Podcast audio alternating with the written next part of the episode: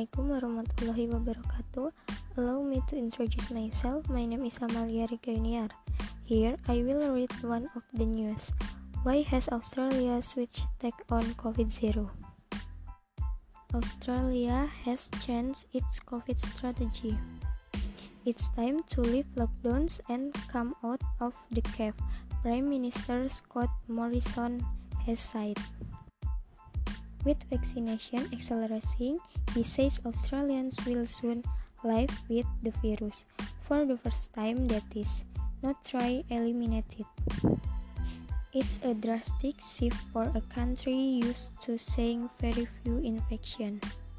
Australia's strategy is to blocking foreign arrivals, hunting for every infection, and shutting state borders after outbreaks.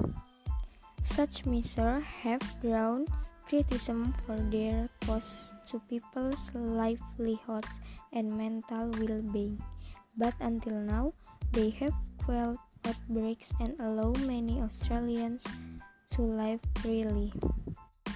The Delta variant appended Australia's playbook.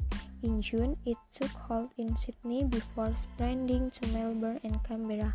State government planned their capital back into lockdown. Currently, one in two Australians must stay home.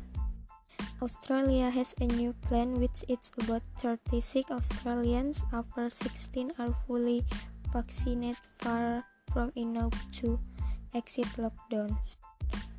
The nation plans to ease out of lockdown then and vaccinated people will be guaranteed more freedoms, but it will continue testing and tracing and return low-level restriction like mask wearing and social distancing.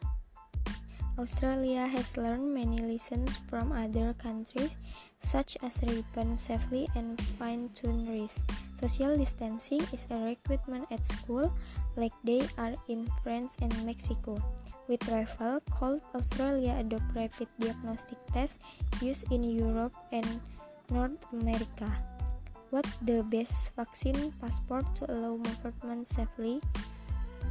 Singapore, which hit 80 this week, also a hit in its reopening plans, but is taking a cases approach like Australia, keeping travel to save nation and maintaining restriction like mask wearing. That's all from me. I am. Wassalamualaikum warahmatullahi wabarakatuh.